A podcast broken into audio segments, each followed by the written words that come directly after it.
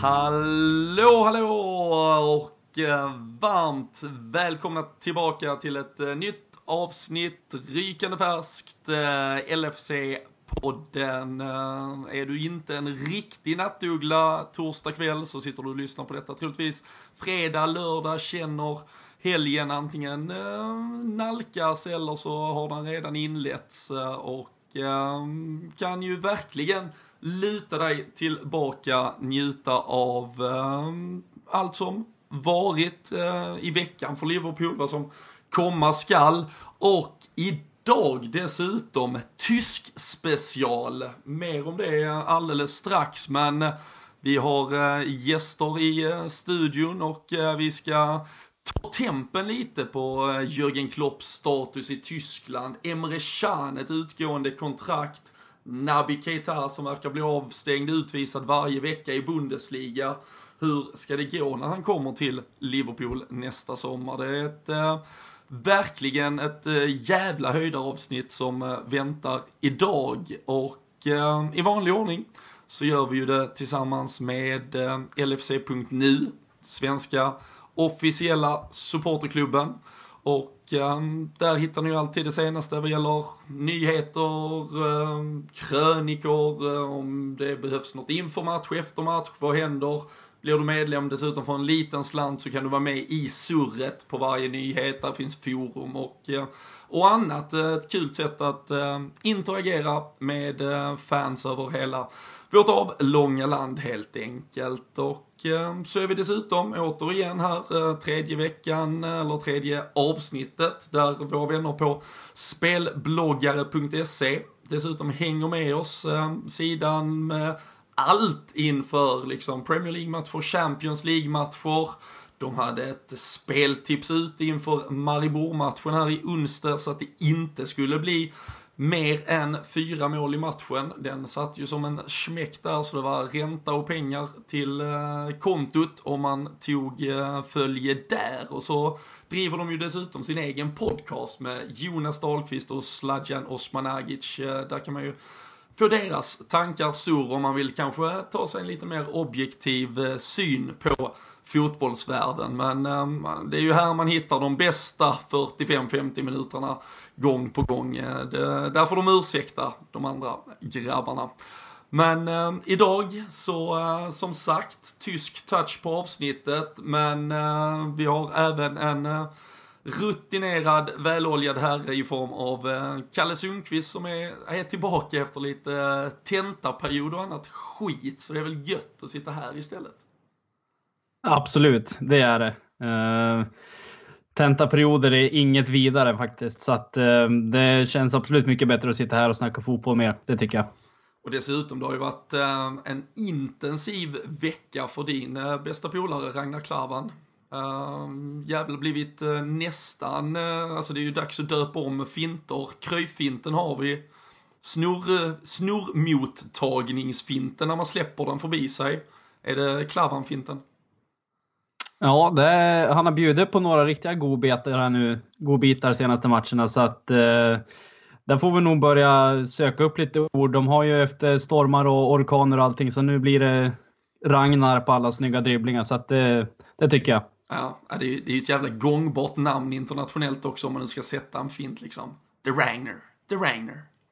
Så eh, nej, äh, verkligen äh, tjusigt. Och äh, som sagt, äh, tyska influenser äh, i, i dessa straffmissartider känns det nästan extra viktigt att få, om inte annat, lite psykologisk stöttning. Och det är idag då ingen mindre än Kevin Bader, som annars eh, driver eh, klacken.nu, frilansjournalist, jobbar till vardags med diverse projekt eh, och syns på fotbollsscenen både, både framför och bakom kameror, spakar, spakar, mikrofoner och så vidare. Och eh, idag här i LFC-podden, Kevin. Ja, guten Tag.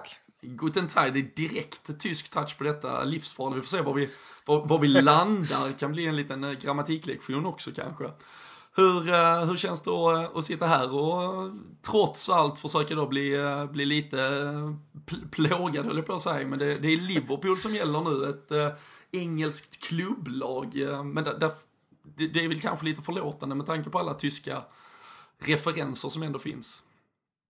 Det, det, ska bli riktigt kul. Um, Liverpool som du är inne på där, det känns ju som att förut var det ju Arsenal som var det tyska laget i England och det känns ju som att Liverpool har tagit över den, den flaggan.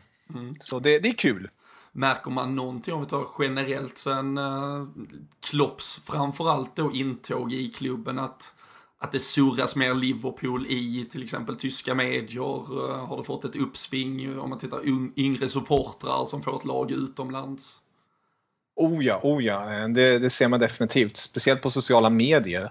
Klopp har ju alltid varit en, som ni vet och de flesta lyssnarna också vet, är ju en väldigt karismatisk person som bjuder på sig själv och även i Tyskland var han en populär tränare och nu hans intåg i England gjorde det direkt så att Liverpool skaffade sig ett tyskt Twitterkonto och där surras det mycket om just Klopp och Liverpool. Ehm, så ja, Liverpool är nog eh, för de yngre ehm, ska man säga, fansen som blickar utanför Tysklands portar, då är det nog Liverpool som kommer först till hand mm. nu för tiden. Och det, som sagt, vi, vi ska ju gå in eh, på lite sen och prata just eh, Klopps kanske mer då specifikt status i, i Tyskland eh, idag kontra för ett par år sedan och så vidare. Och, och som vi nämnde inledningsvis, där finns ju så många nu då referenspunkter i form av en, en Emre Can, vi har en Nabi Keita då som hör hemma idag i den tyska ligan, blev Liverpools på något sätt storvärvning även om man kommer nästa sommar även en Divock Origi på ett utlån i Wolfsburg som vi ska mm. ta tempen på. Men uh, vi kan väl börja, vi får börja ändå lite kronologiskt här och, och, uh, och packa ihop den här Champions League-matchen från igår.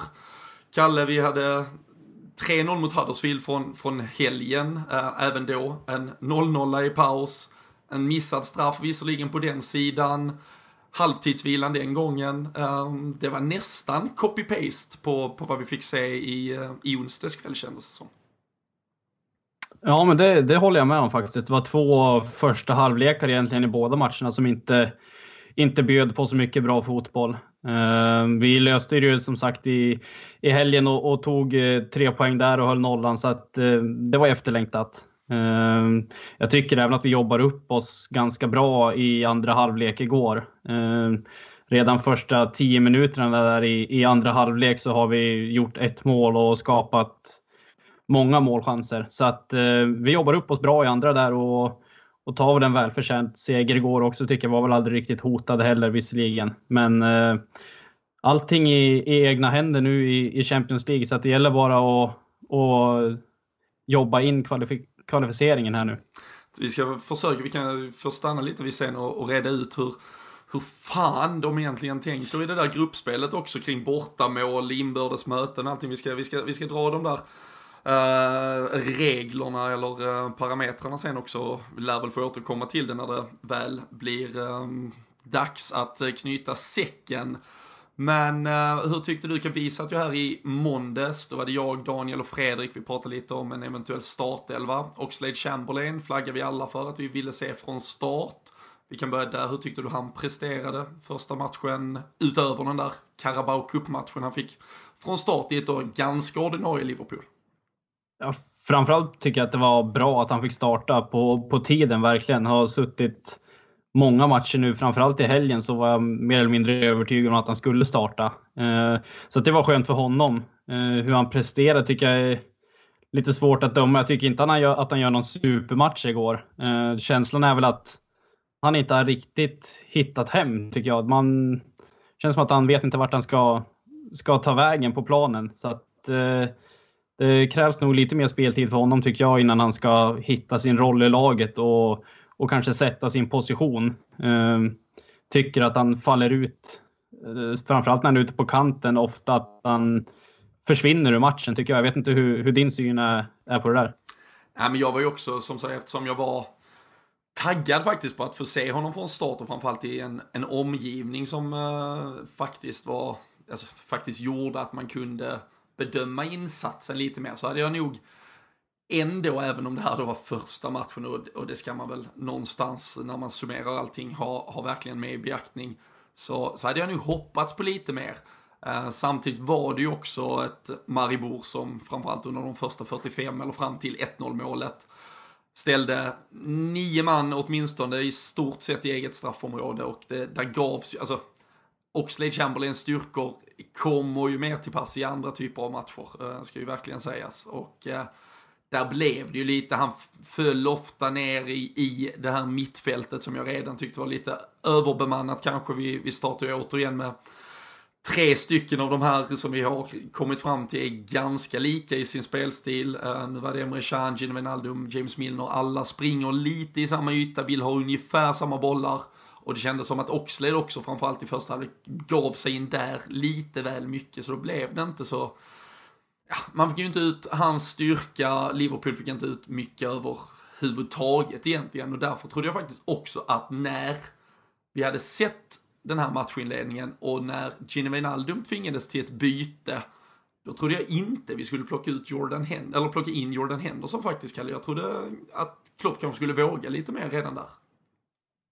Ja, eh, det resonemanget köper jag faktiskt.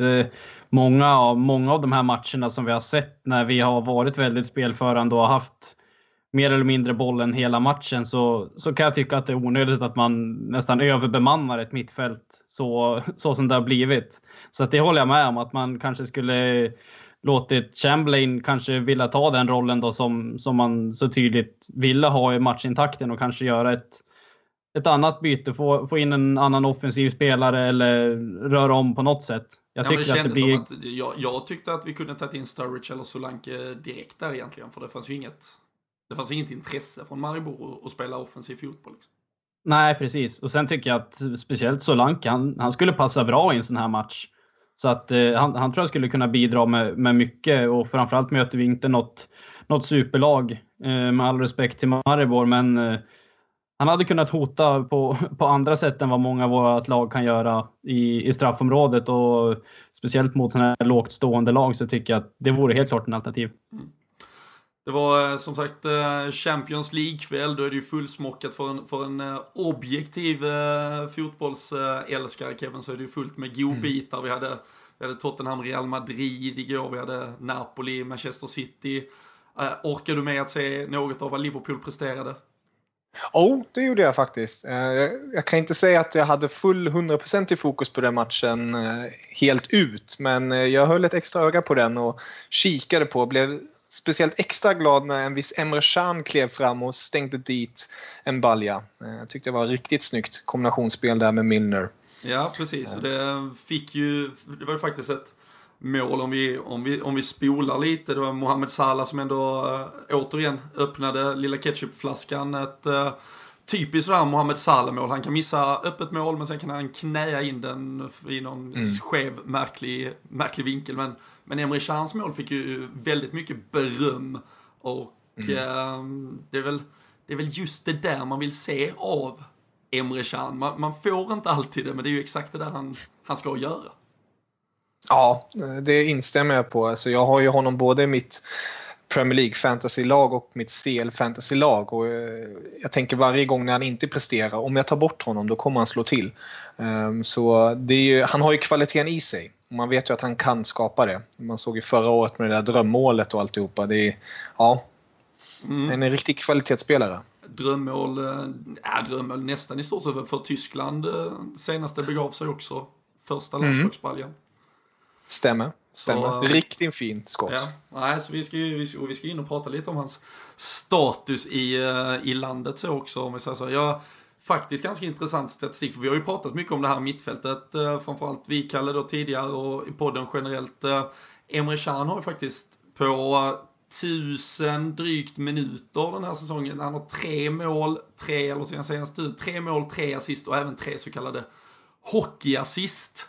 Eh, medan eh, faktiskt övriga mittfältet bidrar med ungefär exakt samma totalt. Så han är ju ändå i det här mittfältet som inte riktigt verkar hitta sina positioner så har han faktiskt haft en edge där kan Kalle att han har, ja men det har blivit lite poängspelare av honom om än att man kanske önskar en ännu mer utpräglad poängspelare på mittfältet. Eh, när vi hade Lalana i toppform så, så bidrog han ju i stort sett vecka in vecka ut. Men eh, hur, hur, känner vi att, vad har vi Emre Can just nu från, om vi tittar ur Liverpools synvinkel?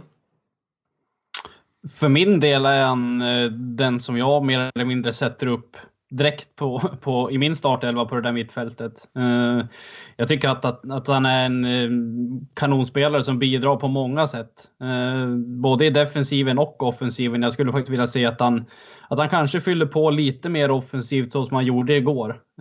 jag tycker att han har många bra offensiva kvaliteter och är lite av ett ånglok när han eh, tågar fram sådär. Så att det skulle jag vilja se mer av honom. Eh, vi kommer säkert komma in på det nu eh, hur hans status är både i, i klubben och vart det ska ta vägen med kontraktsförhandlingar och så här. Men det är absolut en spelare som det skulle svida och, och tappa för att jag tycker att han, eh, han bidrar med mycket nu och har många bra kvaliteter men kommer bara bli bättre med tiden. Så att, eh, jag gillar Sean skarpt. Det har jag faktiskt gjort ända sedan han kom till Liverpool.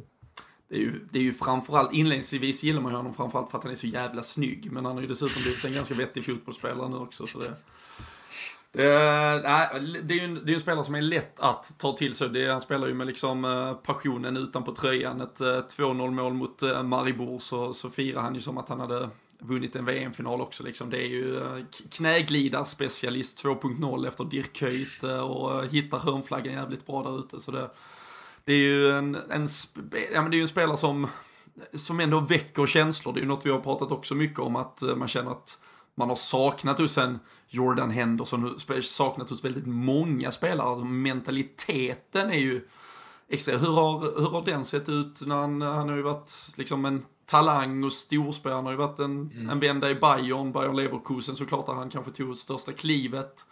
Har, har, han alltid varit den här spelaren som ändå har synts, hörts och märkts eh, i, i sin karriär? Ja, alltså han började ju som sagt i akademin i Bayern och där visste man ju, eller man hörde om honom att det här, är någon, det här kommer bli något. Eh, men oturligt nog ska man säga då att han inte riktigt tog chansen eller han inte rättare sagt fick chansen. Och då gick han ju till eh, Leverkusen där. Utlåning som sedan blev permanent och där tog han ju steget då och det är någonting som jag vet att många bayern fans tycker är jävligt irriterande och jobbigt. På grund av just eh, den spelstilen han har. Eh, han påminner väldigt mycket om en eh, personlig favorit, Michael Ballack. Mm. Om ni minns honom. inte, Emre Can är ju lite mer snabb och kvick skulle jag säga. Och lite mer, ja, teknisk. Men just den här ledargestalten, att han eh, driver på både defensivt och offensivt. Och eh, jag tror i och med flytten till Liverpool eh, har han tagit ett stort kliv. Ehm, och något jag tror också många tyskar ser och vill se mer av, att han, han tar för sig. Ehm, vi kommer gå senare in på det där med hans status och så, men ehm, man har alltid vetat att han har någonting, men han har haft det svårt i Bayern. Mm. lite Hummels eh, varning där. Han gick ju till Dortmund bland annat. Precis, eh. precis.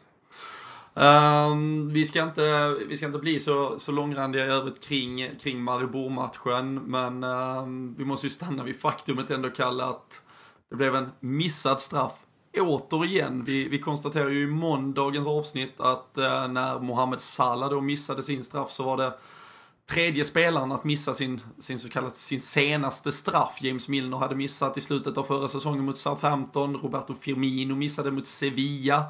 Mohamed Salah missade mot Huddersfield. Ehm, då, eller vi enades eh, i måndags, eller jag, Fredrik och Daniel, att vi kände att det kanske är ändå bättre att säga att Roberto Firmino, han är ju trots allt den som, som är den notoriske, eller ska vara, den, den avslutaren, anfallaren, nian, någon form av mittpunkt att han ändå får chansen nu på riktigt. Men Klopp tog istället steget tillbaka, vände sig till liksom eh, uh, Mr Nice Guy, uh, Mr 100% som han länge var. Satte ju 7 av 7 inledningsvis för Liverpool.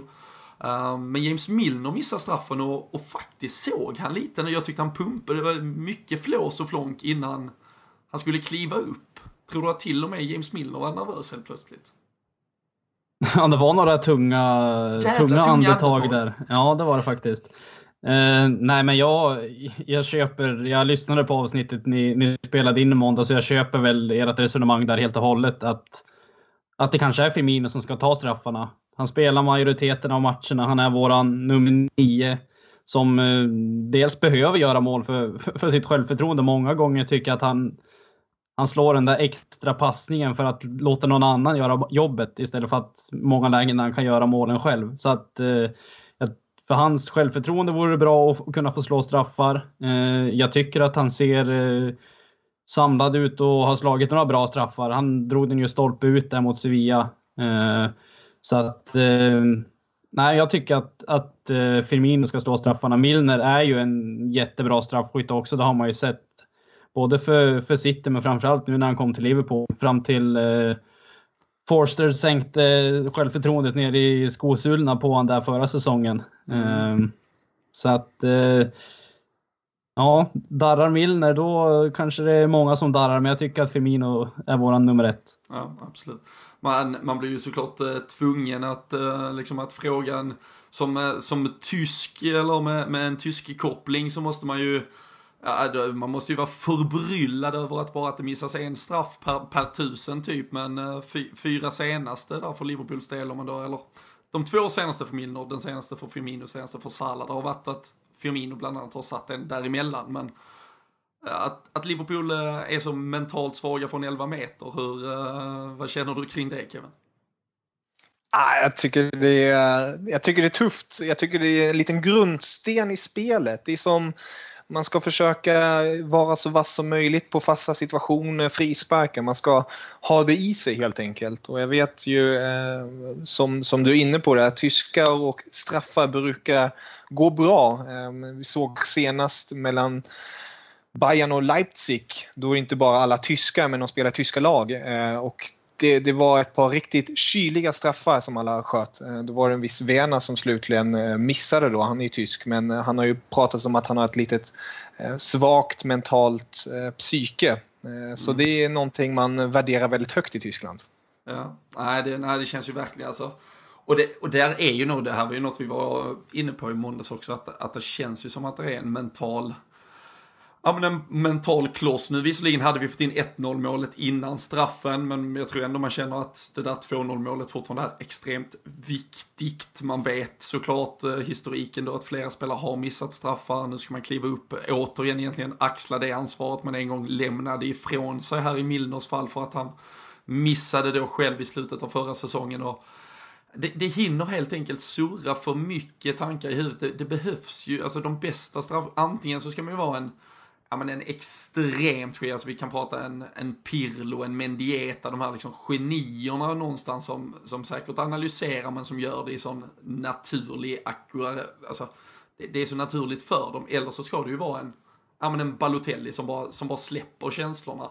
Och det känns som att Liverpool, många av de här spelarna är, är någonstans fast i något mellanting och liksom vill prestera, vill bevisa sig, känner sig kanske inte helt trygga i sin, i sin roll. Jag tror, Sala kändes ju som att han, där kändes det mer som att han nog var lite slarvig och dålig i just det läget. Men det känns som att många spelare annars tynger sig lite av att, av att ta ansvar och det, ja, men det, och det liksom kommer väl tillbaka till mycket av det vi pratat om tidigare med liksom ledare som kliver fram på planen. Fortfarande då inte en Jordan Henderson som var aktuell att slå straffen. De kanske kan tycka att det, det någonstans till slut ligger kanske på en kapten när det har missat så mycket som det har gjort och vi får väl, vi får väl se vem som blir, blir näste man. Det, hade det kunnat vara en Emre Can kanske, Kevin? Är han, är han redo att kliva fram, tror du? Det tycker jag. Det tycker jag. Jag tycker ju, nu är jag rätt så subjektiv i kanske den frågan. Jag hade ju gärna velat sett binden på Emre Can i Liverpool också. Mm. För att jag tycker att han har just det där som ni pratar om, passionen. Och det är någonting jag förknippar med Liverpool. Det är, det är känslor, de ska vara utåt. Det ska inte vara det här inåtsträvande. Det ska vara utåt. Fansen ska känna att kaptenen är med och vilja bära det här laget. Jag tror Emre Can skulle vara som handen i handsken för det där. Hur, äh, vi, vi kommer tillbaka till det. Jag ska bara, vi avslutar egentligen eh, Champions League-kvällen och Champions Leagues eh, då fjärde runda här, där Liverpool alltså med 3-0-segern mot Maribor då toppar eh, Grupp E. Vi har eh, åtta poäng nu, Sevilla tvåa på sju. Spartak Moskva har fem poäng och Maribor eh, ganska hopplöst sist på en poäng och det är ju en extremt viktig match som väntar Liverpool i Sevilla i nästa omgång. Skulle vi vinna så är vi klara för slutspel, då behöver vi inte tänka mycket mer. Då handlar det om eh, lite placeringar eventuellt eh, i eh, Moskva-matchen. Men eh, däremot om vi skulle förlora mot Sevilla och Spartak Moskva skulle slå Maribor, vilket vi nog kan tro, så är det 8 poäng på Liverpool, 8 poäng på Spartak Moskva, 10 poäng på Sevilla då som bara har Maribor kvar inför slutet och då blir det ju en direkt avgörande match mellan Liverpool och Spartak Moskva troligtvis, Kalle. Och då har man ju alltså valt att sortera på inbördes möten först och även lägga in bortamålsregeln i gruppspelet i det här inbördesmötet. Så skulle det bli att Liverpool förlorar mot Sevilla och sen spelar 2-2 mot Spartak Moskva, då skulle Spartak Moskva alltså gå vidare på gjorda bortamål i dubbelmötet mot Liverpool före att Liverpool har, ja, åtta plusmål mer ungefär än Spartak Moskva. Hur, eh, vad, vad det sysslar Uefa med? Känns det här som ett rimligt scenario egentligen? Nej, det tycker jag väl inte. Inte i, inte i ett gruppspel i alla fall. Eh, Många har väl sagt mycket om den här bortamålsregeln egentligen. Eh, jag köper den väl till viss del i, i slutspel. Eh, men i gruppen kanske jag tycker att man kan bortse från det där och, och i det här fallet så premieras ju Leopold ingenting av att de eh, pulveriserade Maribor med 7-0 borta, utan det, det kommer vara bortglömt i det här läget. Och bara tanken av att vi kommer stå där i en i en avgörande match på Anfield mot, mot eh, Spartak är ju skrämmande i sin tur att veta att vi, att vi måste få med oss ett visst resultat för den delen. Och, det bizarra, och det bisarra där är ju att ett 0-0 resultat skulle vi ju gå vidare på. Ett 1-1 resultat skulle vi gå vidare för då går man ju ner till målskillnaden. Men, men som sagt 2-2 så är vi plötsligt ute så står det liksom, ja men då blir det plötsligt för det får vi prata om längre fram, men om man om vi nästan ska gå för 0-0 eller om man ska ja, försöka göra 2-0, men är det 2-0 då är det inga spärrar kvar för Spartak, då är det fullt det. Men som sagt, Liverpool kan göra jobbet genom att bara slå Sevilla borta istället, så behöver vi inte ens sitta med våra miniräknare här för att räkna ut resten. Ehm, vi brukar ju Vi har ju den vi har ju den största kuggen där egentligen. Det tisslas och tasslas om att Jocke Lundberg ska till Sevilla. Så att eh, ja. vi kan väl ställa in oss lite grann på, på Moskva hemma redan, eller? Vi eh, får nog klippa passet innan, innan dess så att han håller sig hemma. Han är um, notorisk eh, jinx eh, när han väl dyker upp på Liverpools matcher. För, eh, för, för den objektive Kevin, eh, tror du Liverpool eh, tar sig vidare i Champions League och kliver in i finrummet, slutspelet? Det tror jag. Det tror jag. Jag tror Klopp fixar det slutligen. Ehm, frågan är om man gör det redan mot Sevilla eller mot Spartak, men jag tror slutligen kommer de ta sig vidare. Frågan är dock om de tar sig nästa steg därefter. Det är en annan fråga, men um, slutspelet klarar Liverpool. Mm. Det är ju verkligen en jag vet inte om man ska säga en extra intressant Champions League-säsong, för det ser även ut som att vi kommer få ganska många storlag som tvåor i sina grupper. Mm.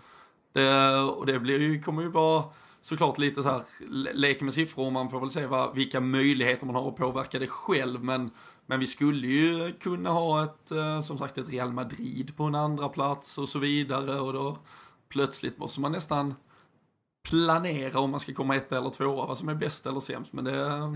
ja, några galet häftiga åttondelsfinaler kan det bli tidigt. Det brukar ju kunna dammas av ett par sämre lag annars, men det ser ut att kunna bli riktigt intressant. Verkligen. Så uh, nej, vi får, vi får se. Det är som sagt två Champions League-matcher kvar. Uh, Sevilla borta, sen Spartak Moskva hemma alltså. Men de uh, återkommer vi såklart till. Um, vi, ska, vi ska kanske kliva in lite mer då på, på, på tysk mark här och um, stannar inledningsvis i Champions League-sammanhang, för det är ju ändå eh, därifrån man äh, återigen kanske minns Jürgen Klopp mest. Det var väl där han mm. åtminstone satte ner sin, eh, sin fot, visade upp sig för en hel äh, fotbollsvärld när han stormade fram med Dortmund till en Champions League-final som så nära också äh, blev en pokal hem, men det, det räckte inte hela vägen där. Eh, och eh, ja, men där och då var han ju, får man säga att det var där och då han stod på toppen av sin tränarkarriär mm. någonstans. Eh, oh ja, oh ja. Säsongen innan hade han ju precis vunnit ligan med Dortmund också. Och i den fasen när den där finalen skulle spelas då var det ju verkligen ligaspelet, titel, så titelracet med Bayern, Bayern i Champions League-finalen och sen eh, tyska kuppen också. Så det var, han var och tog på alla pokaler där. Mm. Ehm, och det var ju lite det man kom ihåg mest från, från den tiden från Dortmund, för sen eh, gick det ju neråt. Mm. Och det är ju... Nej, jag, jag, tror väl att om alla tar liksom ett steg tillbaka så, så minns man väl det också, att, men det var ju en säsong sen, eller det, det började ju knarra liksom även i Dortmund. Det var inte, det var inte fläckfritt. Han fick ju mycket Nej. kritik redan då också för att han inte riktigt hade en plan B. Något mm. man återigen citerar när vi pratar Liverpool idag. Men, men hur har han, om du ska titta lite på hans senaste år, hur har liksom hans formkurva gått om man tänker eh, ja, men i, i tysk press, hur det pratas om honom när när nu faktiskt ett Bayern München lite halvt står utan en manager och så vidare. Och mm. där är ju unga spännande namn upp, en Nagelsmann i, i Hoffenheim och så vidare. Var, var står han på den tyska tränarhimlen? Jag tror, eh, sen han har tagit över Liverpool var han ju stekhet. Eh, men eh, efter det här året har nog gått ner lite. Han var ju definitivt en väldigt het kandidat för Bayern München. Bayern München och Klopp ryktades det väldigt mycket om. Eh, den flytten bland spelare har man ju också sett ett antal gånger nu. Och då trodde man ju att den populäraste tränaren i Tyskland, som är tysk, ska ta den största klubben i Tyskland. Det är, det är väldigt enkel matematik där. Det brukar fungera så i Tyskland. Eh, men i och med resultaten den senaste tiden börjar man också märka lite kritik riktas mot Klopp eh, från tyskt håll. Jag vet Hamann var ute och svingade och pratade om att han inte förstår riktigt hur Klopp inte lyckats med försvarsspelet. Han var ju själv försvarare, Klopp. Eh, och det är lite märkligt att han inte får styr på det hela. Eh, och jag tror eh, det som vi hör i Sverige och också snackas om i Tyskland, det, det blir allt mer i Tyskland också. Men han är fortfarande, det är det som är så otroligt med honom, det är fortfarande inte så att han är något svart register eller att man snackar ner honom. Det är fortfarande Klopp. Är, man, alla får ju fortfarande ett leende på läpparna när man pratar om honom. Um, men det, det börjar ändå det där fina vita pappret börjar ändå få lite... lite naggas lite i kanten. Naggas lite i kanten helt enkelt. Mm. Så det, det är inte bara gröna ängar och solsken där. Men det är fortfarande Klopp. Det, det, han har ju verkligen byggt upp den här statusen som är svår att ta ner. Men jag kan tänka mig ur ett brittiskt synhåll vart han, han är tysk. Jag tror om han hade varit engelsman och har byggt upp det där som man har gjort, i Dortmund och Mainz dessförinnan eh, så tror jag inte eh, man hade varit lika kritisk på samma sätt. Nej men alltså så det... herregud, en Roy Hodgson tog Fulham till Europa League-final direkt för att han skulle bli liksom landslagstränare och, och ta över. Alltså, så, men, mm. men, men, den engelska mediakåren har ju en alltså, extremt skev bild till prestationer. Vi har ju sett experter som Paul Merson med flera sitta och döma mm. ut uh, unga talangfulla tränare som Marco Silva för att de vill se Sam Allardyce på, på fem positioner helst liksom och träna alla bottenlagen i, i Premier League samtidigt ja. i stort sett. Så, så så är det ju. Men, men hur mycket tror du att han, äh, även för, för det är ju något vi har pratat om i denna podden, att man, man känner kanske att hade han å andra sidan varit en ja, men en ganska tråkig tränare som hade haft ganska mm. tråkiga svar på presskonferenser. Och så, och så hade vi tittat på exakt samma resultatrad. Då hade han ju samtidigt mm. nog på allvar kanske till och med rent av hängt löst. Så hur mycket tror du han räddas av att vara just Jörgen Klopp? Ja, det tror jag definitivt. Det är ju ett spel. Det är ju, eh, tror till 100% medvetet eh, att han, han är sin karaktär. Jag tror han är som, som person också, men jag tror att han vet om det och spelar på det.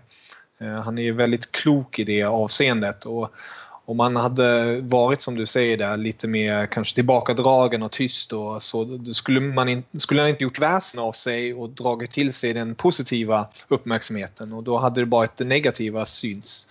Och då hade vi förmodligen inte sett Klopp eh, lika länge i Liverpool. Eller inte lika länge men att han skulle kanske hänga lite lösare rättare sagt.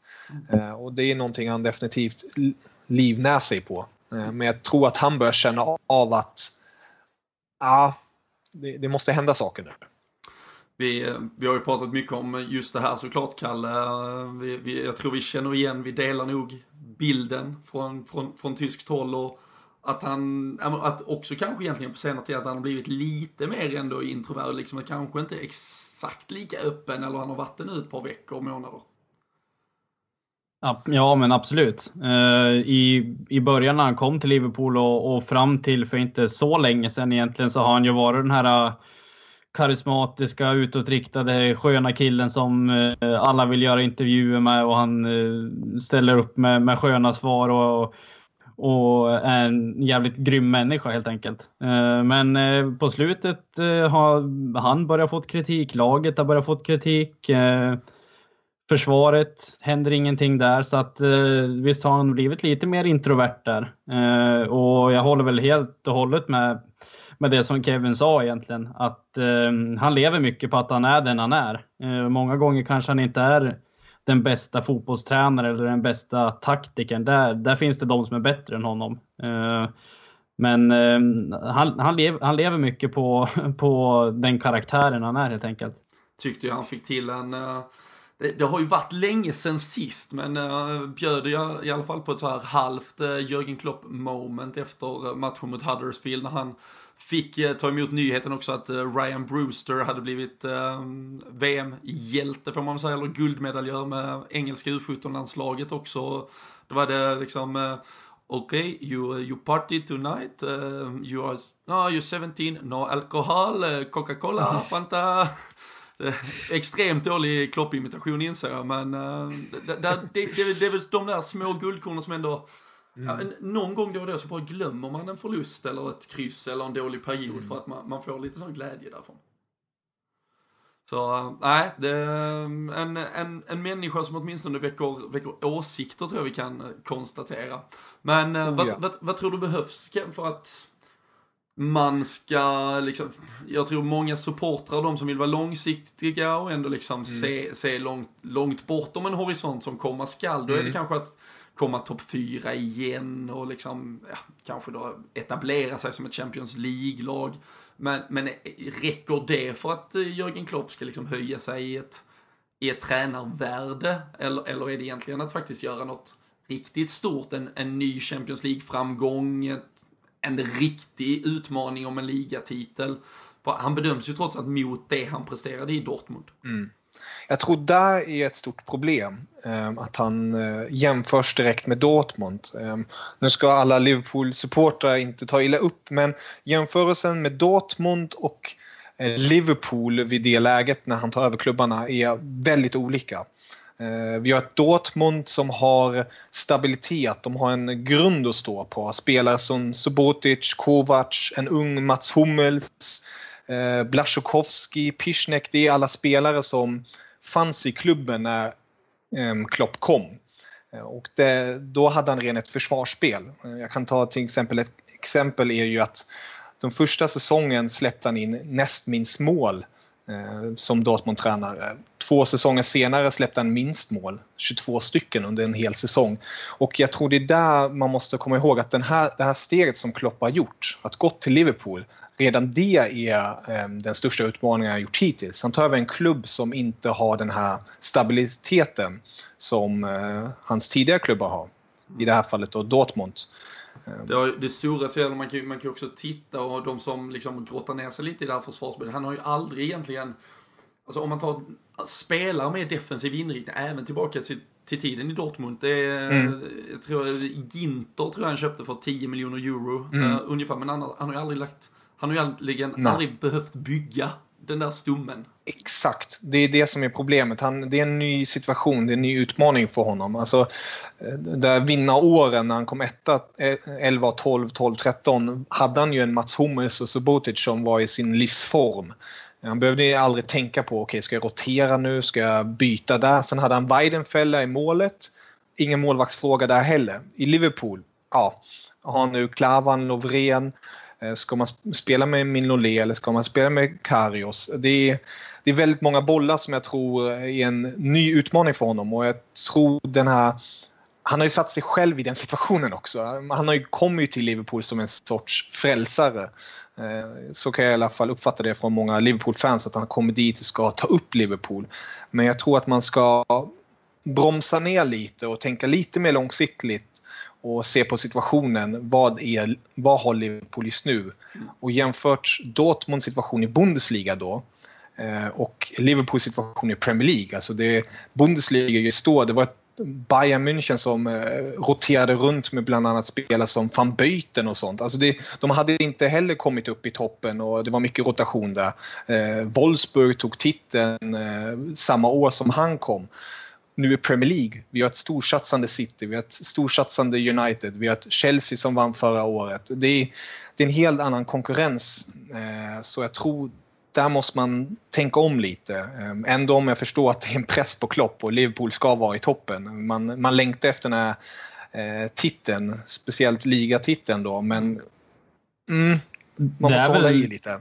Det är väl just det egentligen. Du är, du är inne och touchar på det där. Jag, jag upplever att det ju kanske aldrig har varit så svårt som det är nu att etablera sig som ett riktigt bra lag i, i Premier League för Liverpools del. Det är så många lag som är så fruktansvärt bra med bra tränare, ekonomisk stöttning. Jag tycker inte riktigt att Klopp får det stödet från, från FSG, den ekonomiska stöttningen som behövs för att riktigt slå sig in och bli ett etablerat topplag. Så att eh, det tycker jag också att man ska ha i åtanke. Jag har varit kritisk mot Klopp många gånger, men vi kanske inte ska vara bättre än vad vi är nu egentligen med, med det laget vi har och mm. den situationen att kanske inte ägarna ger honom de pengarna som han skulle behöva för att bli ett riktigt topplag. Så att eh, det tycker jag faktiskt du är inne på rätt spår. Nej, för det är ju, backar man det där steget, och det är ju, alltså det är ju så vi, och det är ju viktigt, och återigen, vi poängterade ganska ofta i den här podden att vi, vi lever ju liksom i, i supporter ledet av, av liksom ett mm. engagemang till en klubb. Det är klart att vi pratar om, om saker som ibland ligger utanför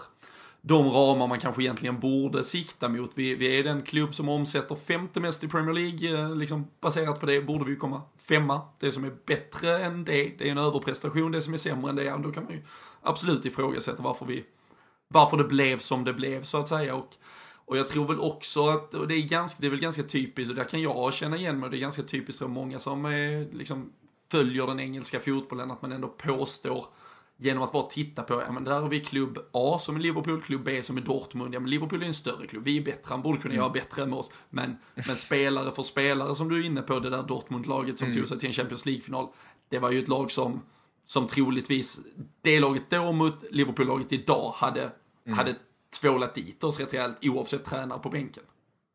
Ja, det, det, exakt. Det är, det är en helt annan värde, värdegrund som Klopp står just nu inför. Och sen ska man inte bara skydda nu Klopp. Det uttalanden om att det bara finns en eh, mittback i van Dijk, det, det, tycker jag var väldigt märkligt. Mm. Jag antar att ni, ni har ju pratat om det tidigare men hur mycket, där måste hur någonting ske. Hur, hur, mycket tror du han saknar att ha sork, eller den typen av människor runt sig som, som egentligen hjälpte till och verkligen dukade bordet mm. i Dortmund? Det tror jag. Det, det, tror jag definitivt han saknar. Ehm, just det här, man märker ju bland många tränare, nu bland annat nu Bayern München kom Jupp Heynckes tillbaka, eh, Nygamla ny gamla tränaren tog med hela sin stab. Eh, Bayern köpte hans andra andra tränare, assisterande tränare från Düsseldorf då och betalade 12 miljoner euro eller någonting sånt bara så att han fick honom. Eh, och det visar verkligen på att man behöver sin stab, man behöver killarna runt sig och tjejerna runt sig som ska stötta en i det här uppdraget. Och eh, att vara i Liverpool, i Premier League, en av de tuffaste ligorna i världen, det, ah, då behöver man all hjälp man kan få. Mm. Ja, absolut. Hur, uh, hur, hur, många år tror du det, det tar för Jörgen Klopp att ta Liverpool till en Champions League-final? Eh, jag tror, om jag säger så här, jag tror det, det tar mindre år att Klopp tar Liverpool till en Champions League-final än att han tar Liverpool till en Premier League-titel. Eh, så kan jag säga. Okay. Eh, jag tror att han, han, han är ändå duktig med det här kuppspelet och sånt men om, om man inte får, får in de här backarna, får in det här den här grunden snart eh, så, så tror jag det blir väldigt svårt för honom att bygga vidare. För nu märker man ju på bland annat City då som rustar för fullt att det, det man behöver inte alltid de största namnen. Han behöver bara få dit rätt material, en stabil grund. Subotic som sagt. Jag tror inte det är många utanför Tysklands gränser som kanske höjer ögonbrynen när man säger det namnet. Eller spelare som Kuba. Eh, det är, det är killar som gjorde sitt jobb. Helt enkelt. Precis. Exakt, exakt. Ja, och det är lite det som, eh, som saknas i Liverpool just nu. I alla fall i, i backlinjen. Jag tänker tillbaka när ni hade spelare som Agger och, och Skertel och Carragher. Det var, där fanns det, de kanske inte var de sexigaste på planen, men de gjorde sin uppgift. Ja, de, de kunde tänka sig att bryta ett ben eller två åtminstone. Vi, oh ja. jag märker, märker redan nu att uh, allt vad heter tidsschema är ju bara att uh, paketera ihop. Alltså, jag hoppas att folk har en, har en, extra, en extra öl eller en extra ledig halvtimme på jobb eller någonting. Men Um, vi, vi lämnar trots allt Jörgen Klopp i alla fall. Jätte, jättetack för att få de um, tankarna kring ämnet. Um, lite Emre Can däremot. Uh, och Kalle, mm. jag tycker att uh, du får börja egentligen för Kevin slängde ju upp en, en kaptensbindel där från ingenstans när du pratade Emre Can tidigare. Hur, och det, vi, vi har ju nämnt det tidigare också. Det, det är ju en av få i dagens Liverpool som, som just ja, men, lever lite Liverpool känns det som. Absolut. Eh, jag tror att jag breakade den, eh, det statementet när vi samlades i Göteborg inför förra säsongen när vi hade Absolut. kaptensfrågan. Då tror jag slängde upp Emre Can som ett alternativ, men eh, tyvärr blev det inte så. Och jag är väl lite orolig kring, kring Chans situation egentligen i Liverpool. Jag tror att Liverpool har tagit honom lite för givet. Att de tänker att det här är våran kille nu, men han han har ju som sagt ett utgående kontrakt. Han eh, kanske har lite högre planer i sin karriär än att han vill eh, vara där han befinner sig nu. Så att eh, skulle jag vara Liverpool-ledningen så skulle jag vara orolig och det mesta talar väl för egentligen att det här kanske blir hans sista säsong i Liverpool tyvärr. Vad är, vad är surret i, i Tyskland kring, eh, kring Emre Can och den här situationen att hans kontrakt går ut? I sommar som sagt har ju ryktats om Juventus som ett alternativ och, och, och, på tal om spelare han liknar så kanske ännu mer till utseendet. Sami Khedira tog, tog ju en fri transfer. Eh, Juve är ju mm. experter på att plocka upp eh, den typen av spelare. Har ju inte behövt omsätta många pengar för att bygga ett eh, helt fantastiskt lag. Men vad, vad, vad, vad tror man att Emre Can kommer ta för vägval i karriären?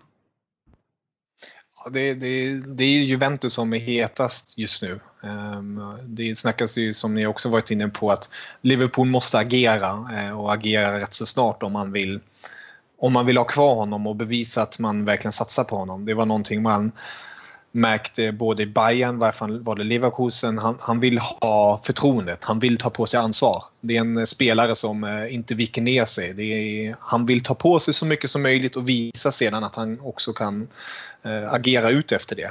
Jag tror där, om man inte gör någonting snart, då, då blir definitivt Juventus ett väldigt hett alternativ med tanke då just på Sami Khedira, landslagskollegan.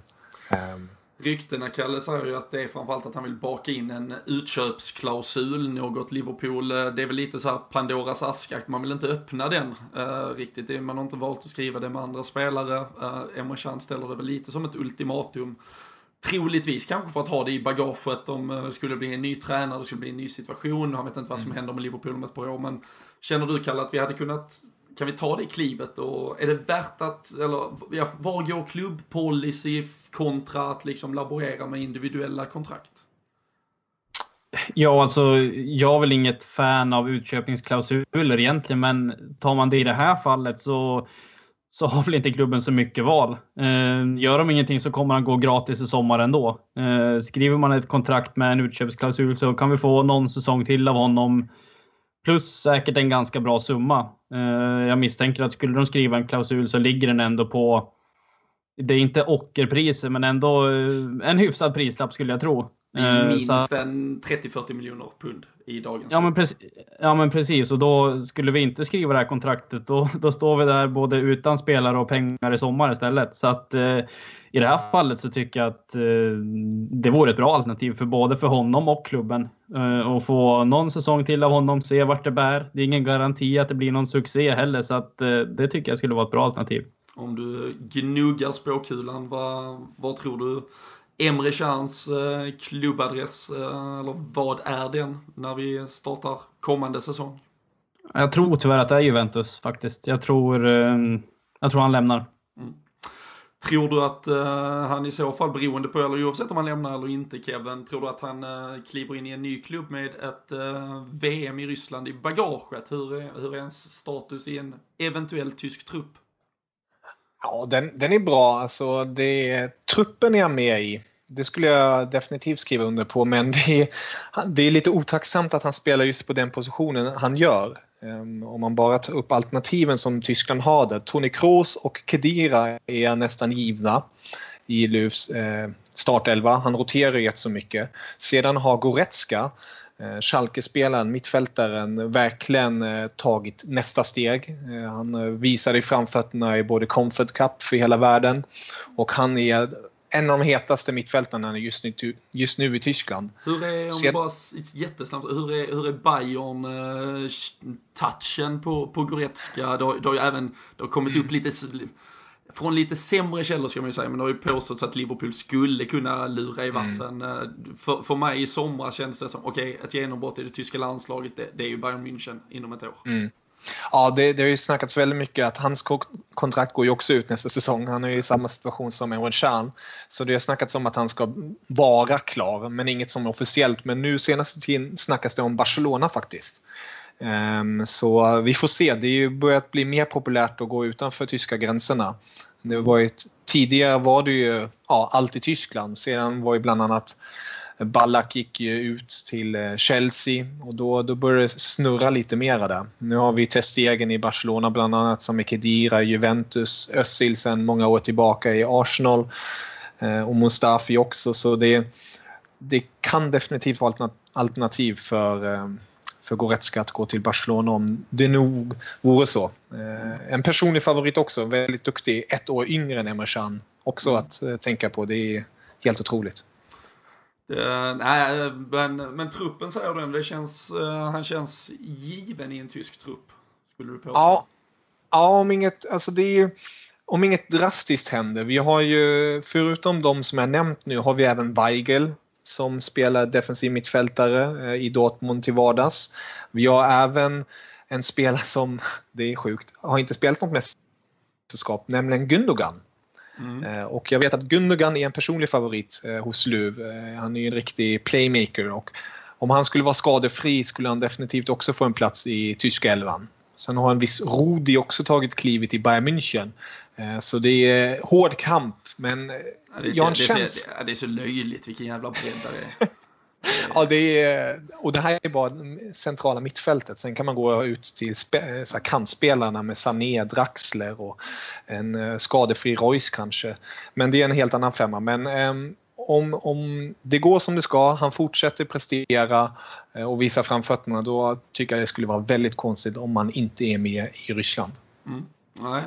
Vi, eh, ja, vi håller väl tummarna för, för hans eh, personliga skull att det blir ett eh, Rysslands-VM, helst med ett nykritat kontra. Jag har också dålig feeling får man väl erkänna. Det, det är ju också från januari så får han ju börja förhandla, då kan han ehm, öppna de här dörrarna och se vad som, vad som står på andra sidan och verkligen få konkreta bud och då ehm, mm, det kan nog bli väldigt svårt för Liverpool att hålla fast i honom. Men om eh, fallet nu skulle bli att han lämnar, eh, eller egentligen oavsett vad som händer, så finns det väl en, inte ersättare, men vi har ju en eh, mittfältare på ingång som under de senaste veckorna, Kalle, vi får, vi får börja där. Han har, han har mest utmärkt sig för att bli utvisad. Tre röda kort. Vi pratar om att vi behöver karaktär och passion, men Nabi Keita, Kalle, tre röda kort på sju matcher. Uh, har, har, man ens upplevt, alltså det är ju för Lee Cattermole att framstå som en jävla kattunge. Ja, det är, låter som eh, ett korpfacit faktiskt. Med de, med är, de det där... så, är det så det ser ut i sjuan för Söderhamns uh, boysen?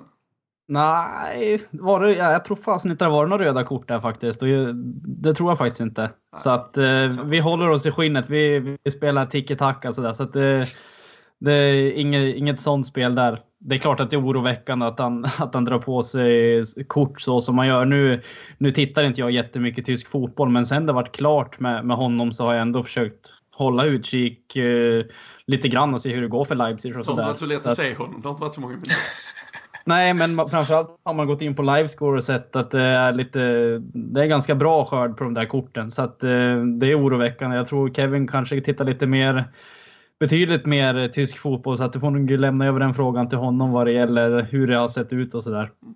Han fick ju sitt eh, verkligt stora genombrott förra säsongen tillsammans med även en hel armada spelare i eh, RB Leipzig. Eh, vi hade ju vår svenska Emil Forsberg, Timo Werner som du nämnde som då blev straffsumpare senast. Eh, hur, eh, hur stor överraskning inleds, eller framförallt hur bra var han förra säsongen för en som faktiskt såg väldigt mycket av honom? Om vi säger så här, han var en eh, för att göra för Premier League-tittarna enkelt. Han var Bundesligas eh, svar på Kanté, men målfarlig. Mm. Så han var, han var riktigt bra. Han var, Bayern var nosade. Jag tror de flesta stora klubbarna ute i Europa var nosade på honom.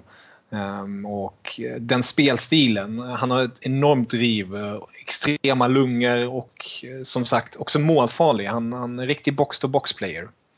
Ja, för det är väl där, om man, om man väldigt enkelt då, och ibland då lite slarvigt bara säger att han är en, en Kanté, du la ju också till det, men han har ju framförallt den här, mm. alltså han har ju den här edgen av, av ett målskytte, av ett, alltså ett boxspel, att han tar sig in, han vill avsluta anfallen mm. i, i offensiv box. Det är en, en fantastisk spelare. Det är ju många som lite slarvigt alltså, tror, man märker när man läser på forum och så vidare, att ja, men han, han kommer in och kommer vara vår defensiva mittfältare. Det är ju ganska viktigt mm. att poängtera. Det, det, är ju snarare nummer åtta på det här tremanna mittfältet än mm. fylla lite av den rollen vi kanske tycker att Emre Can är bäst i, när man får vara lite ånglok fram och tillbaka.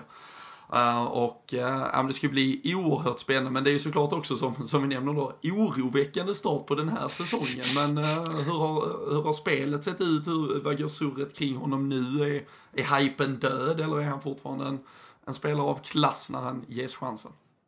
Ja, han, är, han har fortfarande klass men eh, man kan väl säga så här. RB Leipzig har startat lite småtrögt. De ligger ändå trea i ligan men det, i och med Champions League-intåget har man ju börjat rotera en hel del och eh, där märker man också att kvaliteten och bredden kanske inte finns i hela truppen. Eh, och då har det blivit lite frustration och man märker bland annat att en Keita försöker hålla upp laget och puff, pusha på. Eh, så då, då blir det ju, han vågar ta i, enkelt sagt. Eh, sen måste jag ju, för att försvara honom lite, senast mot Bayern München när han fick det röda kortet. Ehm, det var, det var två gula kort som var, de var löjliga. Ja. Ehm, det, det, där skulle det inte ha blivit. Det var Men väl annars... Eh, så pass så att eh, Leipzigs tränare gick ut efter matchen och sa att ska vi inför nästa match mot Bayern München då får vi träna 10 mot 11 på träning för det, det var tre av de fyra senaste har de fått spela yes. decimerat. Stämmer, stämmer alldeles utmärkt. Eh, och det är lite ironiskt. Just det där, de där två eh, gula där, det tyckte jag var väldigt synd för matchen och synd för Keita. Eh, för han, alla vet han är en spelare som han vågar gå in i duellen. Mm. Och ibland kanske det blir lite hårt men jag tror för Liverpool-fansen det är inget att oroa sig för. Han kommer, han kommer vara riktigt taggad på Premier League. Jag tror att Premier League kommer vara en riktigt bra liga för honom. Om man får den speltiden och det förtroendet av tränaren. Hur, hur förvånad var man i Tyskland att han, att han faktiskt skrev det här för kontraktet med Liverpool och att det då inte uppenbarligen blev något Bayern München eller att det kanske, mm. att det faktiskt inte blev, om vi då med all respekt, att det inte blev en ännu större klubb. Uh, mm. Alltså för vi vet ju ändå var Liverpool är på näringskedjan. Vi, vi har ändå ett 10-15 lag över oss vad gäller, mm. vad gäller pengar och position, Champions League, uh, framfart och så vidare. Trodde man att han skulle gå till något ännu bättre? Jag trodde personligen inte det. Ehm, jag tror också att många tysk media spekulerade i, här snackas det om Barcelona, det snackades om PSG lite också, ja, de som har pengar helt enkelt. Men jag tror Klopp drog det här Tyskland-kortet väldigt bra där. Ehm, kontakten till Tyskland, ehm, Rangnick och alltihopa i eh, Leipzig då, sportchefen, eh, och de var väldigt noggranna med att de inte ville sälja den här säsongen. Eh, och jag tror där följde säkert bland andra, andra klubbar. De ville ha honom direkt. Och i och med att Liverpool och Klopp gick in och sa vi, vi skriver kontrakt och han kommer nästa säsong tror jag att det blev en win-win för alla, alla i, ja, i, den här, i den här affären. Och Bayern München, de var aldrig riktigt på kartan. Det finns en viss Eh, Eh, ska man säga, rivalitet bland, inte rivalitet, men det finns jag har svårt att se att någon Leipzig-spelare går till Bayern. Eh, det, det, finns någonting där. Jag kan inte riktigt säga exakt vad det är men eh, Emil Forsberg, Werner, jag har svårt att se dem ändå gå till Bayern München för att det, Leipzig är ett projekt för sig och de är så indoktrinerade i det här att de ska lyckas och byggas och bli stora och starka så då vill de inte försvaga och skicka någon spelare till ja, Tysklands största klubb. Jag, nu, jag slänger ju visserligen detta helt från höften utan att ha full koll, men det känns också som att det här med att Bayern tömmer Tyskland på talang, det är, det är i större grad just tysk talang än, om vi då får inom situationstecken, mm. importerad talang. Alltså, det är inte så mycket afrikaner till exempel man har sett i Bayern genom åren på det sättet. Det, det har du rätt i. Det är merparten är ju framförallt tyska. Det, det, finns någon eh, policy, eh, jag vet för 13 år sedan när, nu ska jag inte gå in för djupt i det här, men eh, det var i alla fall väldigt viktigt för tyska klubbarna att man ska främja eh, tyska spelare så att landslaget blir bättre. Någonting man definitivt har sett resultat av de senaste åren. Och det är någonting Bayern också värdesätter väldigt högt. Och det är därför Klopp var väldigt aktuell också, på grund av att han var tysk. Eh, nu, nu ska vi inte bli, nu är det inte så att Bayern säger nej till icke-tyskar. Det, det, blir lite hårt att säga så, men det finns, det finns en viss eh, det finns något där som man vill ändå eftersträva. Att man, man är en tysk klubb, då vill man helst ha så många tyska spelare som möjligt. Och det är inget konstigt egentligen. Eh, det är många som förespråkar det men i ett samhälle som idag då ska, då ska man ändå vara öppen. Det är globalt. Där, där ska alla nationaliteter oavsett vart man kommer ska man kunna ta in. Såklart. Eh, men de... det, det, är ju, det är ju samma som jag tror att, att Liverpool med, hade vi varit lite ja, som sagt, ännu högre på näringskedjan så är det ju något Liverpool mm. gärna hade velat eftersträva också. Nu, nu fick vi ju hämta så, om man säger så, lokalt vi kunde i form av en Oxlade Chamberlain, eh, en Andy Robertson som kom in, Skotte visserligen, vänsterback. Um, och det, är ju, det finns ju även de här Champions League-kvoterna man måste fylla med, med så att säga inhemska mm. spelare. Det, det är ju klart det, det är enklare och det, det främjar såklart den lokala, eller så, så lokala fotbollen som möjligt när man kan när man kan göra det. Det känns ju som att Bayern har gått i bräschen för det de senaste åren. Och det, mm. på, på, gott och ont kanske för den tyska fotbollen. Det, det, det lämnar vi till någon annan podd och annat, annan, annan plattform. Ehm, vi eh, ska stanna vid ett, ett sista litet stopp eh, här när vi far runt på de tyska autobahn. Vi har eh, Divok Origi och eh, Kalle, mm. vi, eh, jag börjar ändå med, med Liverpool-kopplingen på det. Daniel Sturridge, eh, tvåmålsskytt för det första nu, eller målskytt två matcher på raken. Då kanske man inte saknar Origi helt plötsligt, men har, vi, har vi glömt bort att han finns? Ja, lite. Eh, lite så är det faktiskt. Eh, jag är väl en av dem i den här podden i alla fall som har varit för Origi. Uh, Men, menar alltid... du att någon i denna podden har varit emot honom? Ja, uh, jag tror du vet vem det är. Uh, nej, men jag, jag har gillat hans spelstil. Uh, sen köper jag resonemanget att det kanske inte alltid har blivit så mycket av det. jag tror att det, det, finns mycket att hämta hos honom. Så att, men den här utlåningen, det, det tror jag både är bra för honom och klubben. nu har han ju gjort en del mål i, i Wolfsburg får ju spela, spela regelbundet, vilket är vad han behöver. Så att eh, lite har man kanske glömt bort honom. Vi får se vad som händer nästa sommar. Mm. Han, eh, han spelar ju eller eh, bredvid eller, eh, eller framför eller då så att säga före eller vid sidan av Mario Gomez, gamla notoriske eh, supermålskytten eh, som, som säkert alla har en relation till. Men som sagt, Wolfsburg är en utlånad till Kevin. Ett Wolfsburg mm. som hade en jättetuff säsongsinledning. Lät också sin tränare och Fredrik Ljungberg, eh, jävla udda assisterande i den klubben känns det som. Eh, fick gå ganska tidigt på säsongen. Det har ändå mm. blivit eh, tre mål på åtta matcher för eh, Origi och eh, mm. ja, det är ett lag som ligger på 14 plats. Det, det är ju såklart eh, tufft. Det har, inte, det har inte flutit på spelmässigt och resultatmässigt för klubben. Men vad sägs det om eh, just Origis insatser och eh, ja, i konkurrens då med Gomes om de spelar tillsammans eller att det ska väljas en av dem och så vidare? Det är mycket positivt. Ehm, Gomes skadade ju sig här för ett tag sedan eh, och då fick Origi anfallspositionen för sig och presterade då med bland annat två mål och gjorde det bra ifrån sig tycker jag ändå. Eh, och nu när Gomes är tillbaka då var de direkt inne på frågan vad händer med Origi som har visat framfötterna? Och då sa de då det finns alltid en ytterposition för honom. Eh, så det, han är inte en given anfallare kanske i Wolfsburg när Gomes är spelklar och är redo för spel men han finns på planen helt enkelt. Eh, om det är nu på kanten eller om det är centralt. Eh, så det, det har varit positivt kring honom. Han har gjort ett par sista minuter mål där som sagt. Det ena målet gjorde så att de tog med sig en poäng. De har ju, som du var inne på, inte inlett så bra. En seger, sju år gjorda två förluster. Det är inte precis någonting en klubb som Wolfsburg ja, är nöjda med.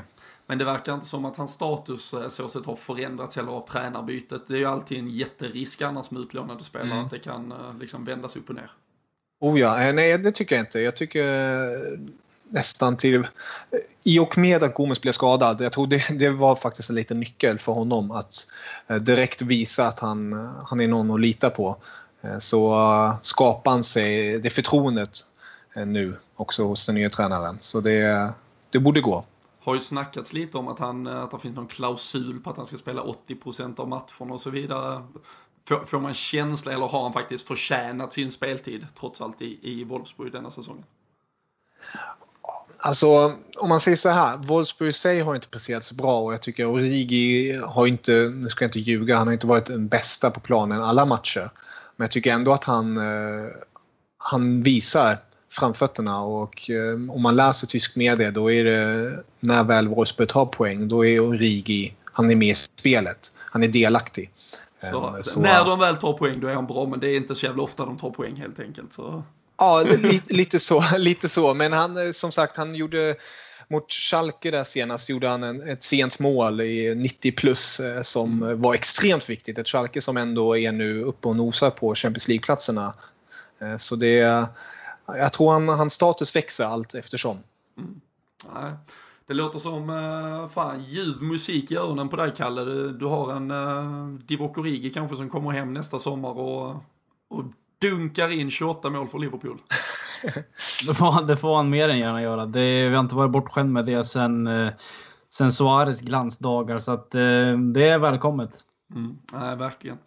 Uh, ja, stort, stort uh, tack Kevin med massa, som sagt vi har så mycket tyska referenser. Vi hade kunnat uh, säkert göra tre, fyra avsnitt uh, om Liverpool och diverse tyska um, influenser och, och så vidare. Det, det blir ju lätt som en, med en tränare som själv kan gå in och bara fylla ett rum med sin blotta närvaro. Eh, Emre Can, Keita, Origi och så vidare. Det finns, det finns massa mer att eh, säkert nysta i. Så vi får väl se, vi får nog, vi får nog plocka in lite mer tysk expertis framöver. om inte annat för att reda ut hur vi ska lägga straffar kanske. Om, om det behövs sen. Vi med tanke på hur mycket det har eh, snackats om allt möjligt här så eh, faller ju nästan eh, helgens match West Ham borta, London kallar i, i glömska. Vi, vi kör inte, det var, vi har ju ändå insett att Jörgen Klopp inte lyssnar på oss att försöka liksom spekulera i en startelva, försöka liksom reda ut det utan vi går direkt bara ganska kort på känslan inför matchen och vad du tror vi kan, vi kan hämta. Kan vi få en tredje raka seger här efter Tottenham-fiaskot och gå in i landslagsuppehållet med ett gott jävla självförtroende?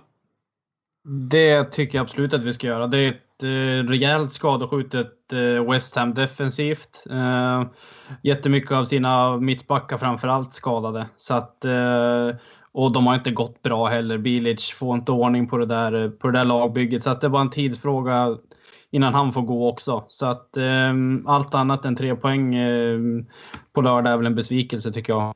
Så, så jäkla skönt ändå att de slog Tottenham för att nog ge Bilic lite tid. Annars fanns det ju risk att han nog skulle ha fått gå nu inför den här matchen och att de skulle så här, komma ny, nytaggade. Det kändes förra säsongen hände det oss fyra, fem gånger att vi fick möta något jävla bottenlag som bytte tränare och så var de ett ett jävla superlag. Vi var ju på Swansea-matchen eh, när de precis hade eh, tagit in Paul Clement bland annat och jävlar vad det fart på dem. Eh, Hall mötte vi väl när de precis hade tagit in Marcus Silva och så vidare. Så det, det, är ju, det är ju skönare att ha ett lag som kanske är i, i slutet av en cykel här på en manager. Och som du sa, mittbackar borta, Pablo Sabajeta missar matchen. Men om vi ska lämna med en sista tysk touch. Chicharito, anfallaren i West Ham är väl det, det enda man ska se upp med. Han föddes ju åter till liv, eh, Kevin, i, i just Bundesliga förra säsongen. Oh ja, i Leverkusen. Emre Cans klubb också där. Nu gjorde han riktigt bra tycker jag. Eh, uppe i 76 matcher, 39 mål om jag har statistiken rätt här. Så han var ju typ 50-50 om han gjorde mål eller inte. Eh, och som de flesta vet är han ju en eh, riktig avslutare som även fick näta nu senast för West Ham i ligan om jag inte misstar mig. Gjorde ett uh, riktigt uh, jävla strikermål. Studsade liksom på bollen med någon yttersida. Mm. Det kom bara flygen som jävla kanon in vid, i straff, på straffpunkten i stort sett. Men, eh, och det, det, är, det är väl där man ändå får vara lite, lite rädd. Det är ju den typen av anfallare vi, vi kanske inte trivs så bra. Vi sa, vi har pratat om att vi gjorde det bra mot en Lukaku till exempel, de mer stationära anfallarna. Det, någon som springer liksom eh, som en liten Duracell-kanin bakom ryggen på en är väl inte vad Ragnar Klavan eller Dejan Lovren eller för den sakens skull Joel Matip älskar. Nej, det är det väl inte. Nu, nu har inte jag jättebra koll på West Ham den här säsongen, men de har ju en del snabba, kvicka spelare med Chicharito, Lanzini bland annat. Man vet aldrig vad Antonio hittar på. Har man ju sett gjort någon, någon drömmatch. Man, han är väl den spelaren som spelar över sin egna förmåga mest i, i fotbollsvärlden kanske. Så att eh, det finns... Division 4-spelaren Michel Antonio. Ja, men precis. Det finns, det finns eh, lite hot där, men eh, med tanke på deras defensiva status så tycker jag att vi ska kunna göra, ja, göra dem illa och sen kanske göra Bilic arbetslös. Jag tror att han eh, ryker på, på söndag faktiskt.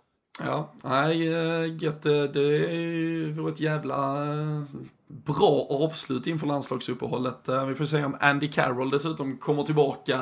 Lite släkten i värst-känsla, men han har ju mest eh, presterat höga armbågar sedan, eh, sedan den här säsongstarten åtminstone. Det är ju eh, skadad från och till allt som oftast, men eh, vi får se vad, vad West Ham mönstrar upp. Eh, Philippe Coutinho eh, uppges ju tyvärr också kanske vara skadade och missa helgens match. Eh, mycket mer glädjande. Sadio Mané är tillbaka i träning, men Även där såklart så hinner han ju inte bli spelklar. Så Gino Gini Wijnaldum då som drog på sig en, en skada sen. Så det är ett skadeskjutet Liverpool. Det är ett Liverpool som verkligen behöver den här landslagsvilan. Eh, vi såg ju bland annat en Mohamed Salah som kommer låtas vilas av eh, Egypten eh, i den engelska landslagstruppen. Får vi väl slänga en liten shoutout. Eh, Joe Gomez uttagen tillsammans med bara då kapten Henderson, om han nu får vara det denna gången av Southgate. Eh, men Oxlade till exempel och även då Daniel Sturridge som eh, gjort eh, två mål här de senaste matcherna. De var inte uttagna men i just detta läge känns det inte som det är något att ställa sig på barrikaderna för det är ju fler som får vila desto bättre helt enkelt. Eh, men Ska vi, eh, ska vi våga oss på en, eh, ett tips, eh, Kalle, kring matchen och vad vi kan förvänta lördag eftermiddag? Så det är en sån perfekt sån här dricka ett par bärs och oddsa lite. Så har vi något guldtips att skicka med lyssnarna?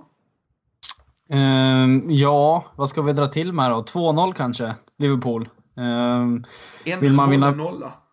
Ja, uh, jag tror det vill, eh, sen är det så, vi är väl inte mästare på att tippa rätt i den här podden, så vill man, eh, vill man ha eh, riktiga speltips av spelproffs så får man glida in till våra kompisar på, på spelbloggar och kika där så ska ni nog hitta någonting ni kan vinna pengar på också när, när du säger det är det ju ganska roligt att jag i måndags i denna podden sa att vi skulle vinna med 3-0 mot Maribor för att mer än så rinner det nog inte iväg till. kan man ju eh, spola fram till minut 55 eller någonting förra avsnittet och få, få svart på vitt. Så det är ju, eh, men, men visst Kalle, du, du lyssnar säkert inte på hela så du gick miste jag hade, nog som, jag hade nog somnat på tåget på väg till plugget där. Ja, så att var... du, du, missade, du missade gratis pengar där helt enkelt. Men det, så får det, får det vara i så fall. Eh, Kevin, eh, helt objektivt då, vad, vad tror du inför matchen på Olympiastadion i London, West Ham-Liverpool?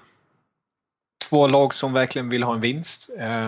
Man kommer ge allt från bägge hållen på grund av att det är landslagsuppehåll och man kan vila därefter. Så jag tror det blir en fartfylld match. Det är kanske inte en högoddsare med tanke på att Liverpool är i matchen. Men jag, jag gissar på 3-2 för Liverpool. Oj, kul! Ja, jag tror, jag tror eh, Chicarito som vi nämnde här, han kommer näta. Jag har väldigt svårt att se när han väl gjorde mål senast att han inte kommer göra mål mot Liverpool härnäst. Men eh, med Sala och kanske en Sturridge nu lite eh, målsug, då tror jag det kommer hitta rätt också för Liverpools del. Mm. Ja, nej, kul. Det blev ju en riktig jäkla islossning för Liverpool senast just borta mot West Ham. Det var en oerhört eh, rolig match eh, ur Liverpool-perspektiv, så vi, eh, vi hoppas väl eh, på en, eh, en stor seger. Men jag, eh, jag köper, eh, köper resonemangen här kring att det kan bli, det kan ju bli rätt bra att åka av det. Um, 3-2, men... Ja, 3-1 till Liverpool då. Jag, jag, kan inte säga oss hålla nollan igen, men det känns som att West Ham är, är ganska Ja, men de öppnar upp lite, det, är ju, det har ju varit deras stora problem såklart, Billigs stora mm. problem, men förhoppningsvis är det något vi verkligen kan ta nytta av. Men ähm, en, en tröstbalja från äh, Chicharito kan vi nog äh, få se, men ähm, hade ju varit oerhört skönt för Liverpool att få gå in med eh, ytterligare en seger eh, i det här landslagsuppehållet, samla kraft inför vad som sen komma skall. Sen går vi verkligen in i högperioden för eh, engelsk fotboll. När, när en del andra ligor lägger sig på latsidan, då, då jävlar, då, då, då brassar det på. Så vill man eh, tro att eh, Liverpool gör det så bra, vinner eh, matchen, så in på spelbloggar.se som sagt. de har ju också en jättebra tjänst där man kan göra oddsjämförelser så då kan ni hitta bästa oddset. Ehm, um, 1,67 gånger pengarna kan man få på en borta seger men in och rota runt vilka marknader ni vill spela på. Om ni vill spela på resultat, att båda lagen gör mål eller vem som gör mål och så vidare. Och så kika in deras eh, blogg där också, eller podd, förlåt, tillsammans med eh, Jonas Dahlqvist och eh, Sladjan Osmanagic. Eh, snackar upp Premier League-helgen och eh, så vidare. Och så skickar vi ut deras rekar inför Liverpools matcher i vårt Twitterflöde också. Men tusen tack för att ni har lyssnat idag. Eh, vi eh, gick över tiden. Jag hoppas att eh, era chefer har varit förstående om ni har suttit på arbetstid, fruarna, männen, vem det nu än är. Men tack för att ni har lyssnat och så hörs vi snart igen. Ha det gott så länge.